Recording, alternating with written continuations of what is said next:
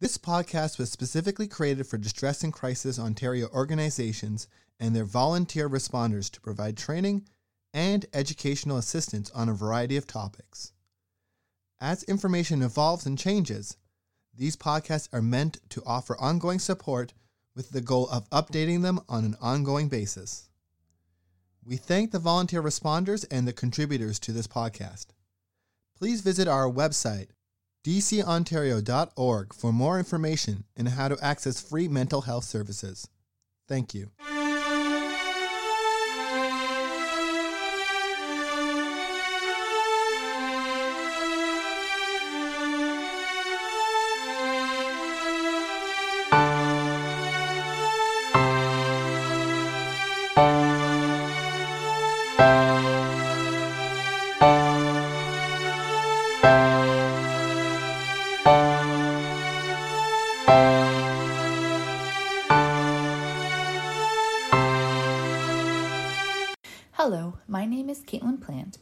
Program Manager for Distress and Crisis Ontario.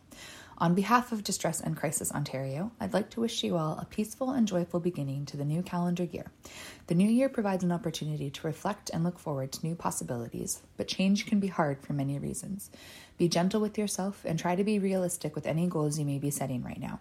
If you need support for any reason, please visit our website at www.dcontario.org to connect with your nearest member center or ONTX and speak with a trained responder. You can also find additional resources on our website. But to all who celebrate it, Happy New Year. This week on the podcast, we'll be exploring a feeling that many of us may be struggling with right now, something often summed up as the post holiday blues.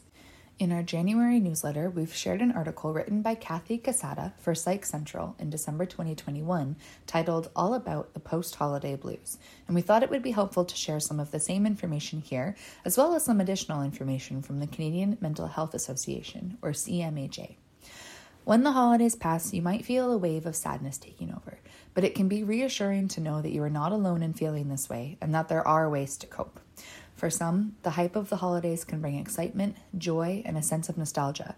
For others, the holiday season can bring up past trauma, strained relationships, feelings of loneliness, and higher levels of stress. This stress can be related to financial strain due to overspending, lack of sleep and or routine, overindulgence, and more. No matter where your feelings fall regarding the holidays, it's possible to feel sadness or post-holiday blues after they pass. So what are the post-holiday blues? CMHA describes the post holiday blues as feelings of isolation, financial strain, or increased family conflict due to high expectations of perfection that many of us struggle to live up to. According to CMHA, 52% of Canadians report feelings of anxiety, depression, and isolation during the holiday season. And a 2015 survey by the National Alliance on Mental Illness reported that 64% of people experience the post holiday blues. It's easy to feel overwhelmed during the holiday season with disrupted routines and extra expenses and obligations.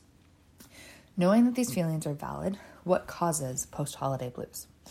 There are many reasons you might experience these holiday blues, and some of them include too high of expectations. The image of the perfect holiday permeates the mainstream culture. We know exactly how it's supposed to go. We feel obligations and we compare ourselves to those things. Are we happy enough? Are we doing it right? The pressure for perfection may have been even greater this year after last year's restrictions on gathering caused conflict, disappointment, and forced isolation. Were we hoping and expecting wow this year? Maybe the holidays aren't part of your cultural tradition, but you feel pressure to celebrate them, or you feel excluded if you don't. Or maybe they're part of a tradition you reject, and seeing messages of the holidays all around is challenging for you. Merriment to the max is also a cause overeating, overdrinking, overspending, general overindulgence. It seems the holidays go hand in hand with them. This compulsory consumerism and mandatory merriment can have a damaging effect on your mental health, especially if you struggle with your finances. Consumption comes at a price that not everyone can afford. Too much togetherness. Sometimes our holiday traditions are intensely social. Parties, get togethers, and family dinners can create relationship dynamics that are rife with discomfort and sometimes even conflict. Tensions can run high. Because our holiday traditions might date back to childhood, we may be called on to play roles we aren't comfortable with any longer. Turning down parties and outings and family time during the holiday season can make you feel like you're being a Grinch, but overextending yourself by saying yes to everything can feel stressful and overwhelming. Sometimes it's just the time of year. The days are shorter, there are more gray skies, and the weather can be a bit more harsh, which may impact plans or existing routines. It can take time for you to adjust to these changes. There's also the potential for lack of sleep, whether from busyness, the stress of paying for gifts and activities, or excitement from festivities. The holidays can really mess with your sleep schedule. There are also many who feel left out in the cold. More than one in 10 Canadians often or always feel lonely. And in those who experience loneliness, half have poorer mental health overall. Your connection to others in your community are key protective factors for everyone's mental health. So, loneliness is something to pay attention to. The holidays can be especially hard if you feel lonely. There are many reasons you might be alone during the holidays. Sometimes it's your choice, and sometimes it just isn't. Like if you've lost someone, moved away, or grown apart. If you're already feeling isolated socially or have a social or other anxiety disorder, being alone during the holidays can make things worse. If you or someone you know are struggling with loneliness, we shared a podcast a few weeks ago called Combating Loneliness that you may find helpful. Financial strain, illness, the news surrounding current events, and more can also contribute to post holiday blues. Now that we have a better idea of what might have led us to feel this way, how do we get over these feelings?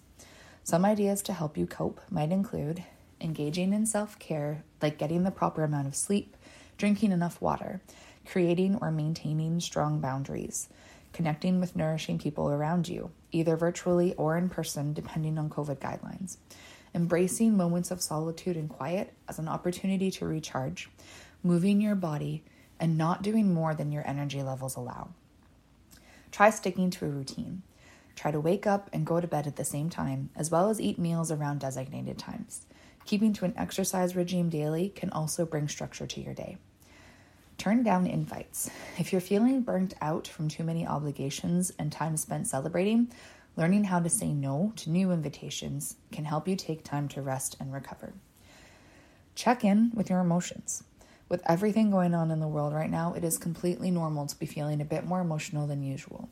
Take some time to take stock of your emotions, whether that is sadness, anxiety, fear, or loneliness, and then begin to address them in whatever way is most productive for you. Maybe journaling, talking to a loved one, finding an online group, or just spending some quiet time alone thinking. But try to avoid doing that last one when you're trying to fall asleep. Avoiding doom scrolling is also important. This year has been a constant of doom scrolling. We're endlessly scrolling news apps and social media and soaking up bad news. Keeping informed is a good thing, but too much contributes to feelings of depression, despair, and anxiety. Try limiting yourself to getting your news from one or two reputable sources and set a timer so you only spend 10 to 15 minutes at a time reading. And perhaps only check in on the news once a day, again, not before bed. Also, try and balance the positive with the negative and make a point to seek out and read the less negative stories. Finally, know that the feelings will pass. Although it might feel as if your blues won't go away, accepting and knowing you may feel the post holiday blues, preparing for the feelings and experiences that may come up for you, and taking extra special care of your physical and emotional health is the best course of action. Remembering that you are not alone in feeling this way may also make it easier for you to connect with others who can help you work through your emotions. If you find that the holiday blues are not getting better as time goes on or increase in severity to the point that they interfere with your day to day functioning, please consider reaching out for help. You can speak to a friend, family member, health professional, or connect with a distress line in your area. You don't need to go through this alone. If you would like to avoid the post holiday blues in the future, the best way to do so is to manage the factors that contribute to feeling this way before the holidays begin.